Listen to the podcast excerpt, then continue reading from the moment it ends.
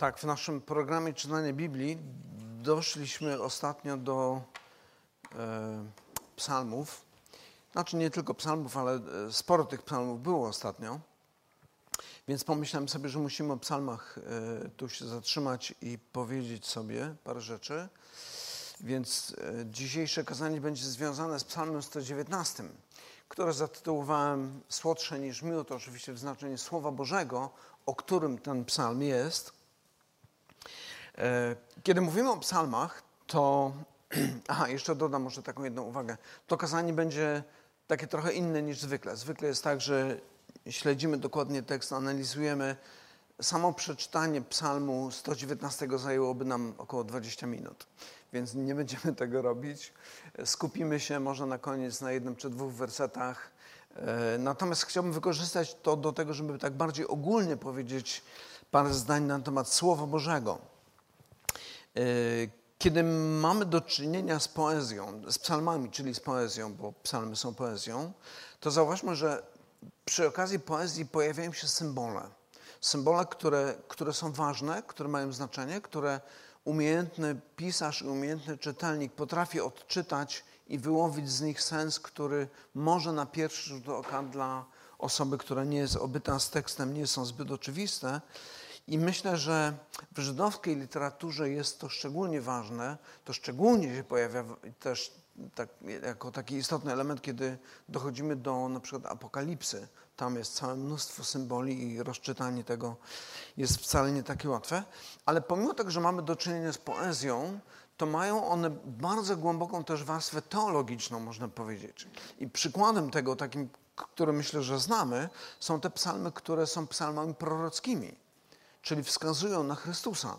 I kiedy patrzymy na Nowy Testament, widzimy, że apostołowie często sięgają do, e, do psalmów, e, żeby cytować je na poparcie tego, co się wydarzyło w życiu Chrystusa, czy co dzieje się w życiu Kościoła. Co ciekawe, kiedy policzymy dokładnie, jak często psalmy są cytowane w Nowym Testamencie, to cytowane są około 400 razy.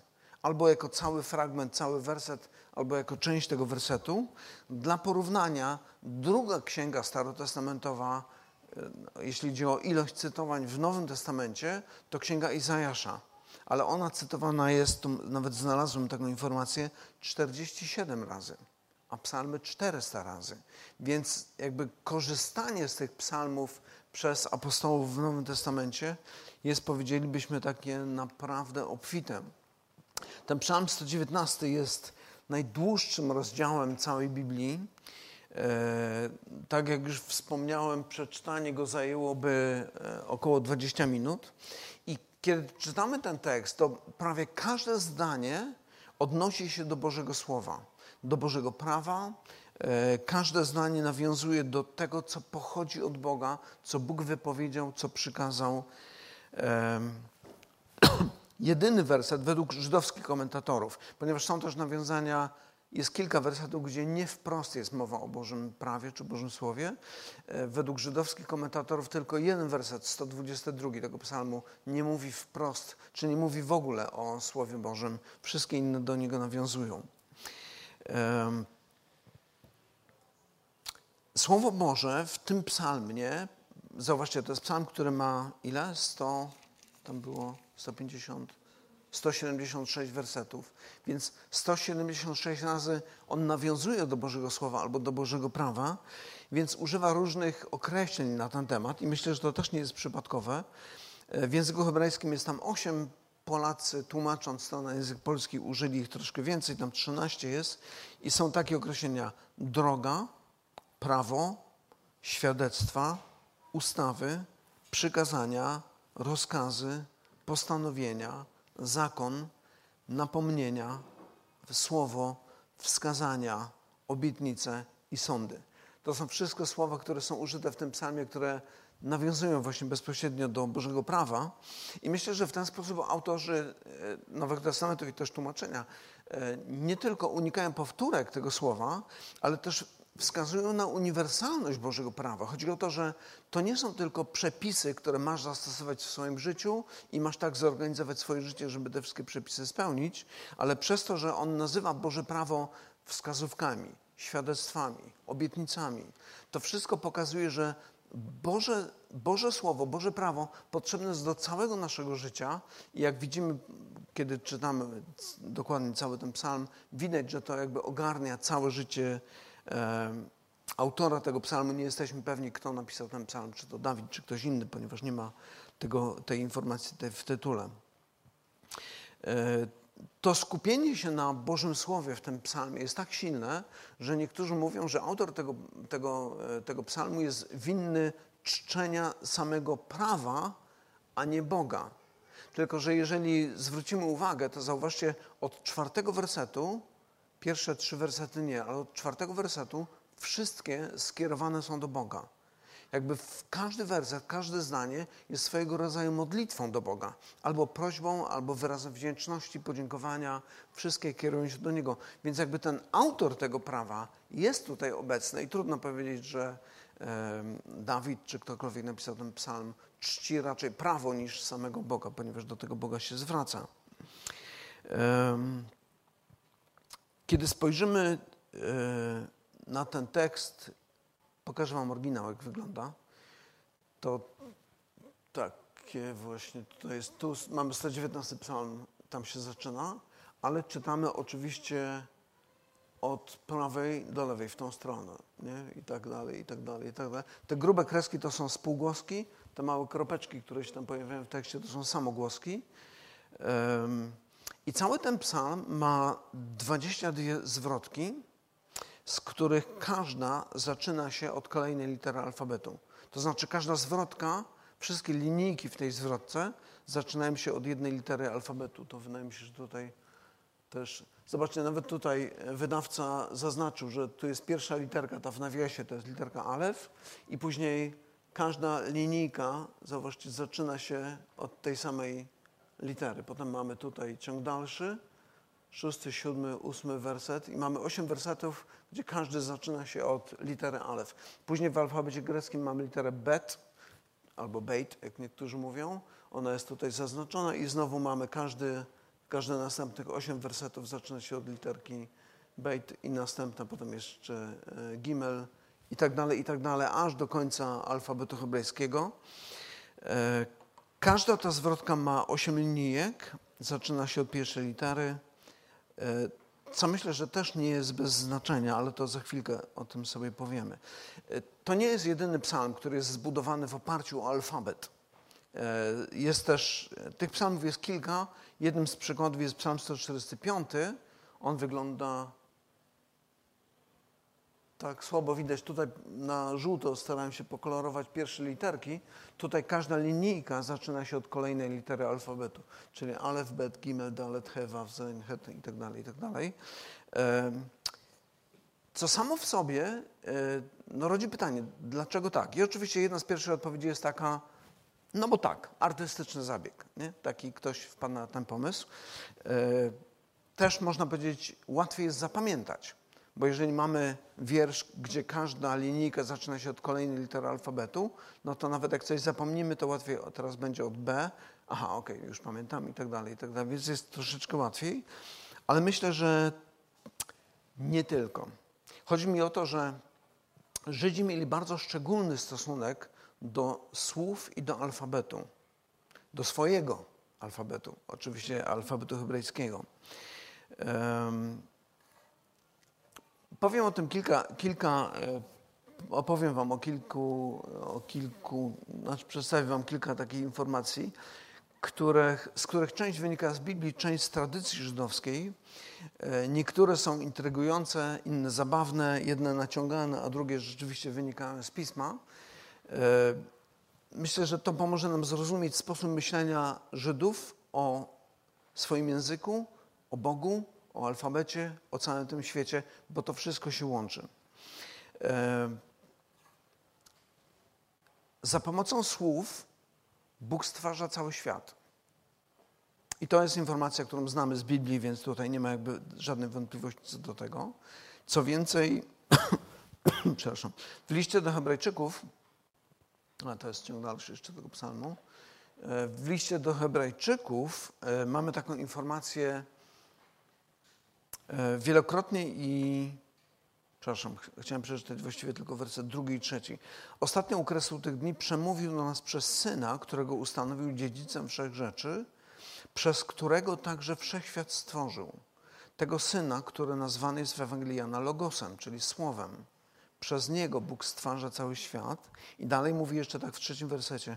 On, który jest odblaskiem chwały i odbiciem Jego istoty, podtrzymuje wszystko słowem swojej mocy. Czyli świat nie tylko został stworzony przez Niego, ale podtrzymywany jest przy istnieniu przez Słowo Boże. Więc mamy takie ciekawe informacje. I to są informacje, które widzimy w Biblii. Natomiast e, mistycy żydowscy idą dalej, bym powiedział, i próbują wykazać na podstawie pierwszego wersetu w Biblii, czyli na początku stworzył Bóg niebo i ziemię, i potem następny werset ziemia była chaosem i pustkowiem, to kiedy pojawia się to pierwsze zdanie, na początku było, e, na początku Bóg stworzył niebo i ziemię, to w tym tekście, jak to mogę wam powiedzieć później po, po, po naszym spotkaniu, dopatrują się takiej informacji, że pierwszym elementem Bożego stworzenia był hebrajski alfabet. Powiem wam, jak się tego dowodzi, ale to muszę tekst e, oryginalny otworzyć. Oczywiście historycznie jest to trudne do obronienia, powiedzmy, ale to pokazuje nam stosunek Żydów do swojego alfabetu, do słownictwa. E, w ich rozumieniu, szczególnie właśnie tych, tych mistycznych kręgów żydowskich, alfabet hebrajski jest budulcem, z którego zbudowany jest cały świat. I najlepszym sposobem, jakby wyobrażenia sobie tego, co oni mają na myśli, to jest porównanie tego albo do DNA, albo do symboli chemicznych, albo nawet do symboli matematycznych które opisują rzeczywistość, w której jesteśmy. I taki przykład, który e, jeden z takich rabinów podaje, na przykład e, kiedy myślimy o wodzie, to woda w chemii zaznaczona symbolem H2O, wiadomo. E, w języku hebrajskim opisywany jest to słowem maim. Maim, jak odrzucimy samogłoski, bo nie piszą samogłosek, to tylko dla nieuków było dopisane później, same spółgłoski, to mamy tam literkę M, literkę J i literkę M. Jeszcze raz. Powinienem z tej strony pokazać, bo to po hebrajsku jest. Czyli mamy dwie litery M i jedną literę J. W symbolu chemicznym wody mamy dwa atomy wodoru jeden atom tlenu. Nie? Czyli zobaczcie, język hebrajski świetnie opisuje nam rzeczywistość taka, jaka jest. No i oczywiście cała teologia, która stoi za tym, jest taka, że Adam, który był doskonałym Bożym stworzeniem, jeszcze przed swoim upadkiem, przed grzechem, miał doskonałe poznanie rzeczywistości, dlatego, kiedy, dlatego gdy Bóg przyprowadził do nich zwierzęta, on potrafił je nazwać tak, jak one rzeczywiście, nazwać je takimi, jak, nie wiem jak to powiedzieć, jakimi one naprawdę były. E, dam przykład. E, słowo pies w języku hebrajskim to jest kelew. I oczywiście ci rabini tłumaczą, dlaczego Adam nazwał psa Kelew. Kelew składa się z dwóch słów: kol i lew. Kol znaczy wszystko, lew znaczy serce, czyli jakby całe serce. Więc kiedy mówimy o psie, to jest istota, którą Adam nazywa, to jest istota, która całym sercem lgnie do swojego Pana. Kol, lew, czyli kelew. E, odpowiednikiem w języku polskim słowa Kelew jest Kaleb. Czyli Kaleb to tak naprawdę w tłumaczeniu będzie osoba, która całym sercem legnie do kogoś, do drugiej osoby, jest oddana całym sercem, można powiedzieć. Więc to są takie przykłady takich czasami zabawnych tłumaczeń. I słuchajcie, są grube księgi tłumaczące jakby wszystkie słowa. Yy, w Starym Testamencie, oczywiście tym, tym pierwotnym hebrajskim tekście, dlaczego właśnie Adam tak nazwał to zwierzę czy jakieś inne zwierzę. Też, e, a to już biblijna obserwacja, zwróćcie uwagę, jak Adam nazywa Ewę, kiedy ją zauważył. E, on jest mężczyzną, człowiekiem, po hebrajsku isz, i kiedy pojawiają się zwierzęta, to nazywa je różnymi imionami, na przykład Kelew to pies, już wiemy, ale kiedy widzi Ewę, to myśląc o sobie jako Isz, to mówi, no to ona będzie Isza, bo ona jest taka jak ja. Nie? Więc jakby nazywa ją odpowiednio do rzeczywistości, a rzeczywistość jest taka, że ona z męża została wzięta, stąd Isza znaczy dosłownie z mężczyzny czy z męża. Ciekawe, pierwszy przypadek, kiedy mężczyzna rodzi kobietę. Nie? To chyba milion dolarów ktoś obiecał e, za to. E, tak, jakby generalnie w tym, w tym, w tym spojrzeniu chodzi o, o też zwrócenie uwagi na to, że za Bożym Słowem, w tym oczywiście mistycy dopatrują się za Bożym alfabetem, e, stoi moc Boża. No i oczywiście, no wiemy, już cytowałem, kiedy Bóg stwarza świat, stwarza go za pomocą słowa. Więc to słowo rzeczywiście stwarza. Bóg mówi, niech stanie się światłość i światłość się staje. I jest dokładnie tak, jak, e, jak Bóg e, zaplanował. Ciekawostka, jedna taka dygresja.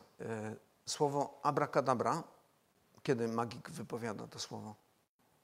Jak wyciąga na przykład królika z kapelusza, nie? czyli jakby ma kapelusz, który jest pusty i nagle z niczego stwarza coś. I okazuje się, że słowo abracadabra pochodzi z hebrajskiego abera kadabera. Abera oznacza stwarzam i kadabera oznacza za pomocą słowa. Więc nawet ta myśl gdzieś przeniosła się do świata, powiedzmy, rozrywki, gdzieś tutaj magicy. Nie wiem, jak to się stało, że używałem około takiego sformułowania. E, stwarzałem coś z niczego za pomocą słowa. Więc ciekawostka. E, inną taką biblijną z kolei ciekawostką jest to, że słowo dawar, czyli słowo, w języku hebrajskim słowo brzmi dawar, słowo, słowo brzmi dawar. To słowo również oznacza rzecz albo pracę. Więc ono jest używane nie tylko w znaczeniu słów, które wypowiadamy, ale również w znaczeniu pracy, która jest wykonywana. Więc to taka ciekawostka. Także, gdy mamy do czynienia na przykład z Psalmem 145, który zbudowany jest w oparciu o alfabet. Alfabet, który jest jakby fundamentem Bożego stworzenia, znaczy jakby fundamentem słów, z których Bóg stwarza cały świat, to zwróćcie uwagę na myśl, która stoi za, za, za, za tą obserwacją. I co ciekawe, myślę, że ją widać w tym psalmie. Chodzi o to, że e, kiedy Dawid pisze psalm 145, e, to mówi o tym, że wszystko pochodzi od Boga, wszystko zaopatrywane jest przez Boga, wszystko chwali Boga, wszystko przynosi Jemu chwałę, wszystko istnieje dzięki Jego łasce, wszystko potrzebuje Jego łaski i to słowo wszystko, wszystko, wszystko pojawia się w tym psalmie, to jest dość krótki psalm, on ma raptem 20 chyba jeden wersetów, pojawia się tam 14 razy. Ale oparty jest o alfabet, z którego jest cały budulec wszechświata e, się pojawia, więc to słowo wszystko, cały wszystko chwali Pana jest tam bardzo, bardzo często się pojawia w tym psalmie. Więc wydaje się, że jakby myśl, która stoi za tym, za konstrukcją tego psalmu, jest taka, Bóg jest twórcą wszystkiego, Bóg jest godzien wszelkiej chwały i wszelkie stworzenie winno Jemu oddawać tą chwałę. I jednym z takich symbolicznych zabiegów, którego poeta używa, jest zbudowanie tego na właśnie alfabecie. I podobną sytuację mamy z psalmem 119 również zbudowany jest na całym alfabecie, ale dodatkowo jeszcze mam, mamy zwrotki, z których każda ma osiem wierszy. I znowu, jakie znaczenie dla Żydów ma liczba osiem? Nie wiem, czy ktoś wie. Siedem to jest dość znane. To siedem oznacza pełnię, pełnię na przykład Bożego stworzenia, która w ciągu siedmiu dni cały świat zostaje stworzony, łącznie z opoczynkiem i mamy taką całą pełnię. Natomiast ósemka pojawia się, przynajmniej tak Żydzi to tłumaczą, jako liczba oznaczająca coś transcendentnego, czyli coś, co jest ponad światem naturalnym. Bóg stwarza w ciągu siedmiu dni świat naturalny, ósemka wskazuje na świat nadnaturalny. Świat fizyczny jest stworzony w ciągu siedmiu dni, ale ósemka to jest świat nadnaturalny. Więc kiedy Dawid posługuje się tą liczbą 8, czyli 8 wierszy w każdej linijce, być może sugeruje coś takiego, jakby tutaj musimy jakąś operację taką zrobić. On mówi cały czas o Bożym prawie. O Bożym prawie, o pięknie Bożego prawa, które jest potrzebne do życia każdego człowieka i mówi o tym w siedmiu linijkach, w każde, przepraszam, w ośmiu linijkach każdej zwrotki tego psalmu, tak jakby sugerował, to transcendentne Boże prawo jest potrzebne do naszego życia, ale to prawo pochodzi nie od człowieka, nie od ludzi, nie od nauczycieli, nie jest przypadkiem, ale pochodzi od samego Boga. Pochodzi ze świata nadnaturalnego, transcendentnego i my tego potrzebujemy, bo bez tego zaczynamy się gubić.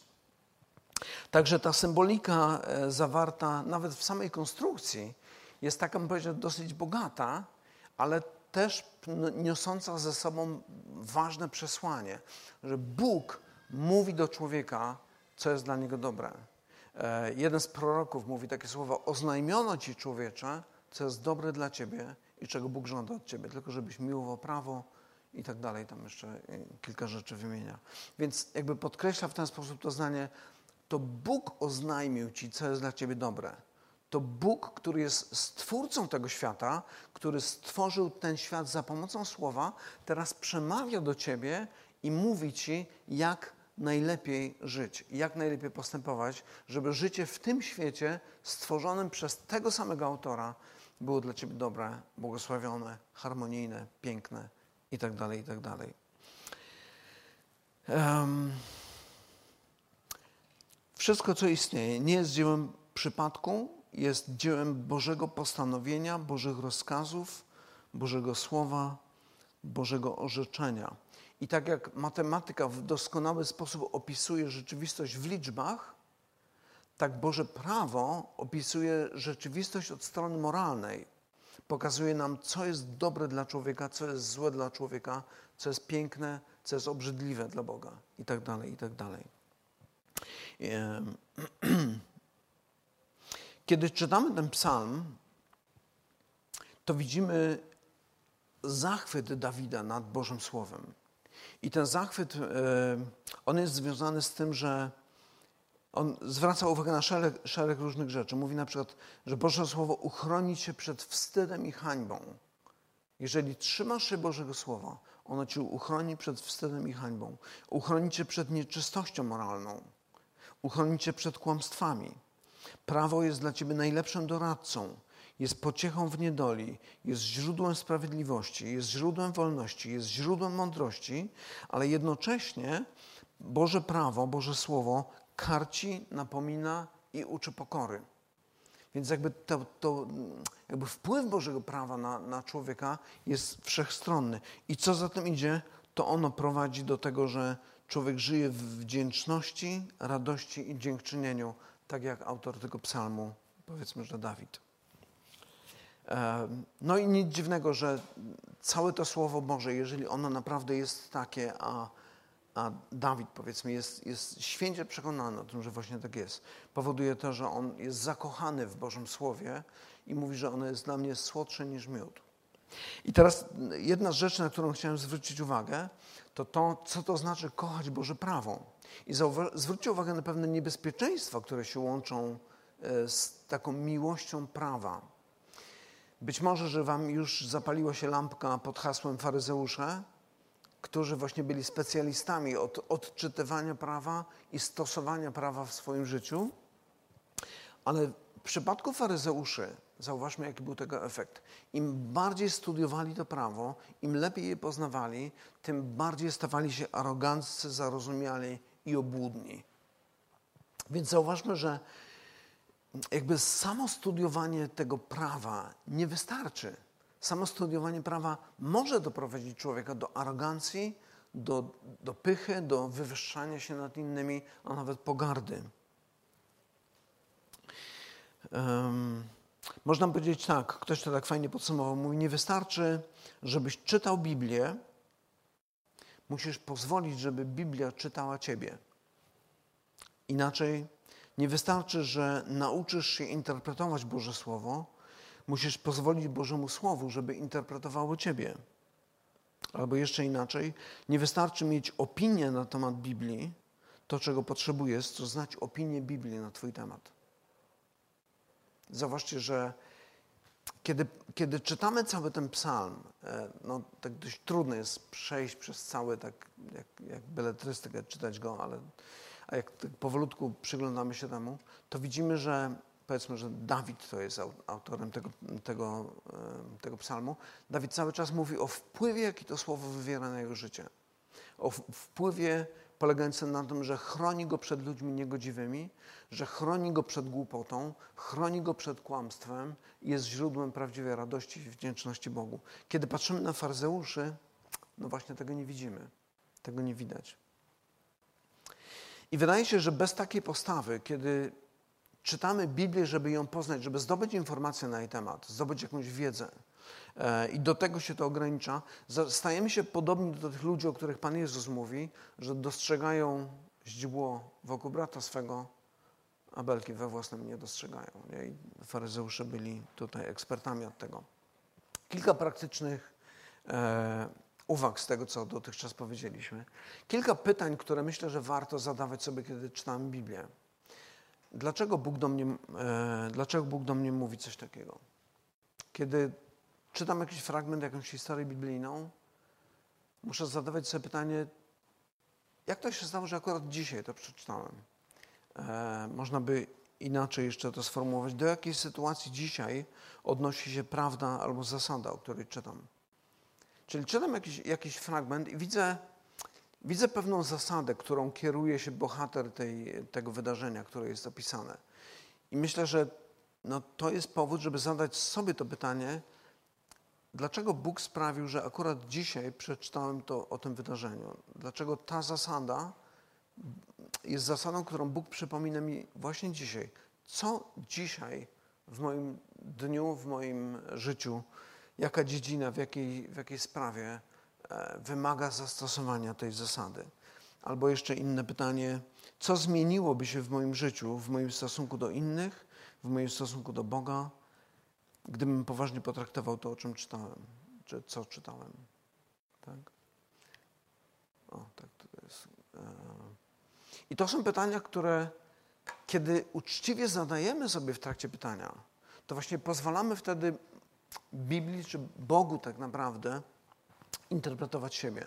Pozwalamy Bogu czytać siebie. I dopiero wtedy, kiedy zaczynamy przez pryzmat Biblii patrzeć na siebie, dopiero wtedy jesteśmy gotowi do tego, żeby być sługami Bożymi. I dam kilka takich przykładów. E, William Wilberforce, Martin Luther King, myślę, że postaci bardzo dobrze znane. Ludzie, którzy właśnie Biblię potraktowali bardzo poważnie w swoim życiu. William Wilberforce e, to jest człowiek, który walczył o zniesienie niewolnictwa czy prawa o delegalizację niewolnictwa, handlu niewolnikami Wielkiej Brytanii i właściwie zmarł chyba tuż przed e, tym, kiedy to się udało. Ale to, co chcę podkreślić, bo to dotyczy zarówno Wilberforce'a, jak i Martina Luthera Kinga – oni obydwaj budowali na biblijnej zasadzie, że wszyscy jesteśmy stworzeni na obraz i podobieństwo Boże. I wszyscy są godni takiego samego szacunku. Są, jakby mają tę samą godność, ponieważ jesteśmy odbiciem Bożej chwały. I nie ma żadnego powodu, żeby z, tylko z powodu koloru skóry e, patrzeć na ludzi z wyższością.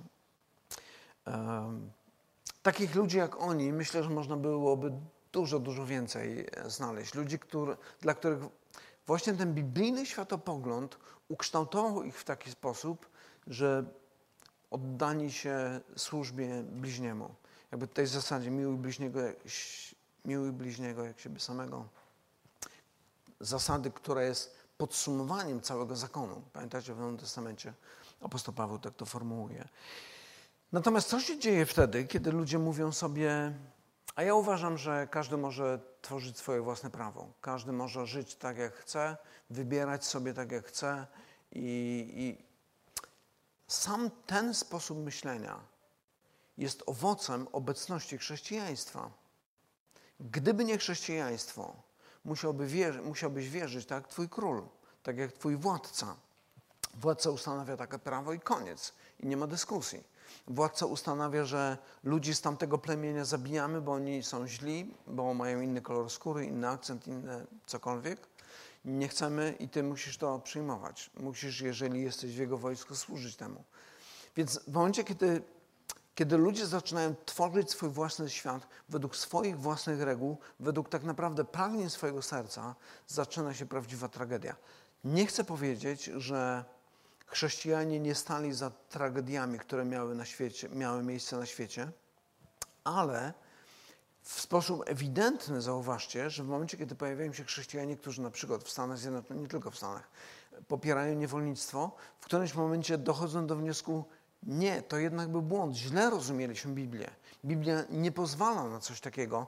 To, co było praktykowane w tamtym czasie jest czymś naprawdę złym. Jakby chrześcijaństwo ma w sobie ten mechanizm autokorekty, że nawet jeżeli ktoś zbłądzi, zaczyna robić głupoty, to jest ten, ten wyższy fundament, wyższy autorytet, do którego można się odwołać i zmienić tą złą drogę, na którą gdzieś zeszliśmy. Jeżeli odrzucamy ten wyższy autorytet, wtedy mamy prawdziwy problem, ponieważ nie ma autorytetu, za pomocą którego można byłoby zweryfikować czyjeś poglądy, czy skrytykować je. Kilka przykładów. E, historia Mao Tse-tung, FNR Hodża, to jest Albania. E, kto tam jeszcze był? E, Pol Pot, Kam Kambodża, Józef Stalin, Rosja, Adolf Hitler, Benito Mussolini. Myślę, że znamy te postaci. Ludzie, którzy naprawdę wyrządzili wiele zła. I to zobaczcie, to jest zarówno lewica, jak i prawica, zarówno komunizm, jak i faszyzm.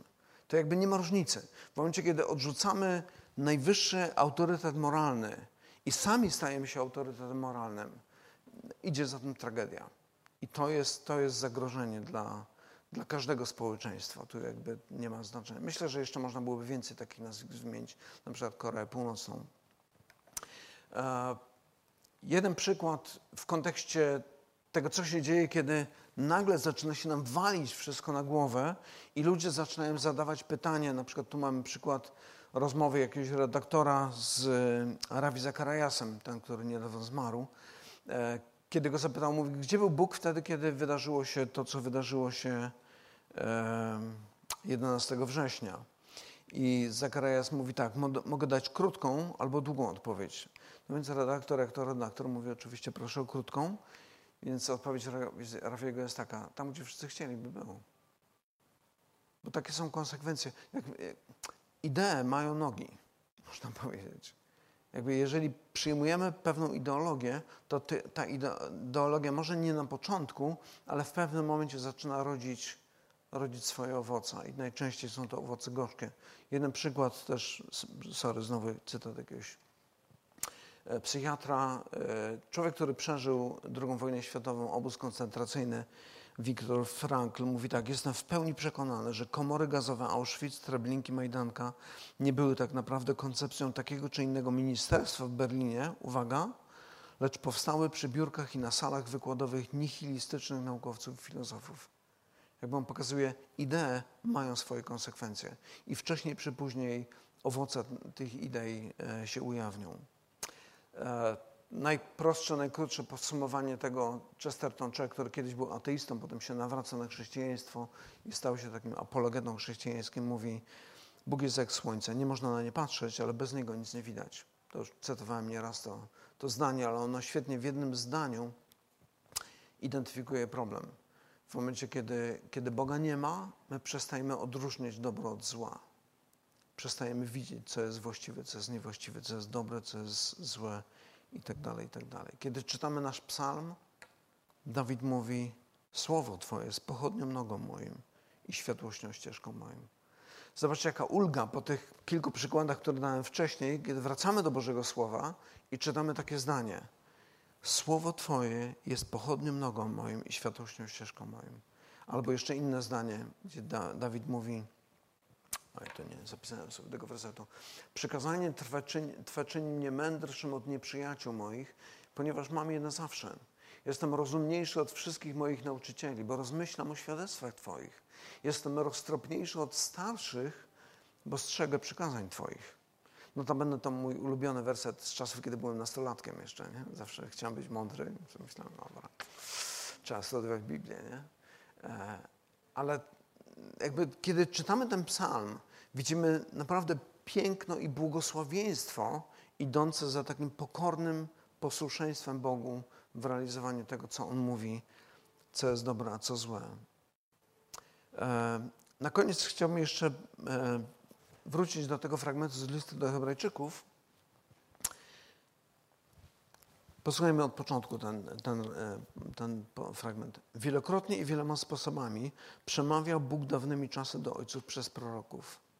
Bóg przemawiał zawsze. Najpierw stworzył świat, Za pomocą słowa potem przemawiał do swojego ludu na różne sposoby. Ostatnio, u kresu tych dni, przemówił do nas przez Syna, którego ustanowił dziedzicem wszech rzeczy, przez którego także świat, wszechświat stworzył. On, który jest odblaskiem chwały, odbiciem Jego istoty, podtrzymuje wszystko słowem swojej mocy, dokonawszy oczyszczenia z grzechów, zasiadł po prawicy majestatu na wysokościach. Więc zobaczcie, kiedy, kiedy mówimy o Bogu, który za pomocą słowa stwarza świat, za pomocą słowa poucza swój lud, to mówimy o Bogu, który nie jest typem naukowca, który siedzi w swoim ciepłym gabinecie i pisze książki, ale jest kimś, kto sam staje się słowem, sam zostaje posłany, sam idzie do ludzi, staje się podobnych do nich i pozwala, żeby go zabili, jak zwierzę niemalże. Ale po to, żeby oddać swoje życie za tych złych ludzi, żeby ich ratować przed wiecznym potępieniem. Ponieważ Bóg jest tym, który mówi: Oto kładę przed Tobą dobro i zło. Wybierz dobro. Wybierz dobro, abyś mógł stać się dziedzicem Bożego błogosławieństwa. I ponieważ wszyscy wybraliśmy zło, Chrystus mówi: Ja przyjdę. Ja stanę się tym, który, który opuści komfort swojego dotychczasowego życia komfort życia w doskonałej harmonii i pójdę do tych ludzi, którzy wszystko popsuli, aby ich ratować. Jeżeli chcesz być naprawdę mądrym, to zacznij od przyglądania się temu słowu, które jest najdoskonalszym odbiciem tego, jaki jest nasz Bóg, czyli Chrystusa. Zacznij przyglądać się Jemu, Jego życiu, temu, czego nauczał, ale przede wszystkim temu, co zrobił ponieważ w tym jest Twoje życie. Bo bez tego nie ma dla nas nadziei. Ale w tym, co On zrobił, jest nadzieja i to nadzieja życia wiecznego. Dlatego warto, naprawdę warto i naprawdę zachęcam do studiowania Bożego Słowa, które nie jest zwykłym słowem. Część tych argumentów, które przedstawiałem Wam z tego świata żydowskiego, jest taka trochę może naciągana, ale część z nich jest prawdziwa. Naprawdę wynikają z Bożego Słowa. Bóg przemawia przez swoje słowo, a najbardziej przemówił do nas przez Syna swojego. Więc jeżeli chcecie być mądrzy, zapraszam do udziału w naszym programie czytania Biblii. Zaraz wyjdziemy z Księgi Psalmów. E, ja osobiście jest mi zawsze trudno, kiedy poezję muszę czytać, bo jest strasznie trudna do interpretacji e, i znowu będą jakieś wydarzenia, chociaż pewnie będą księgi prorockie, które też wcale nie są łatwiejsze, ale tam jest źródło naszej mądrości.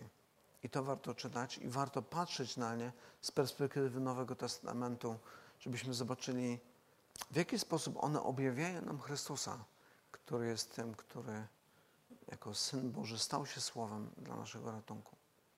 Zakończę modlitwą. Panie, chcemy dziękować Ci za Twoje Słowo, za to, że Ty nie tylko stworzyłeś nas, ale przemówiłeś do nas i przemówiłeś do nas przez słowo, które ma moc, słowo, które,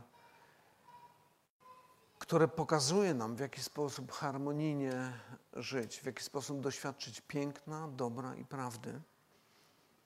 Ale też przemówiłeś do nas przez słowo, które, które zmienia serce ludzkie. I modlimy się, Panie, o to, żebyś właśnie to słowo szczególnie nam objawiał i pokazywał nam, jego prawdziwość, Jego piękno i to, jak bardzo potrzebujemy Go, jak bardzo potrzebujemy Twojego Syna, jak bardzo potrzebujemy Chrystusa.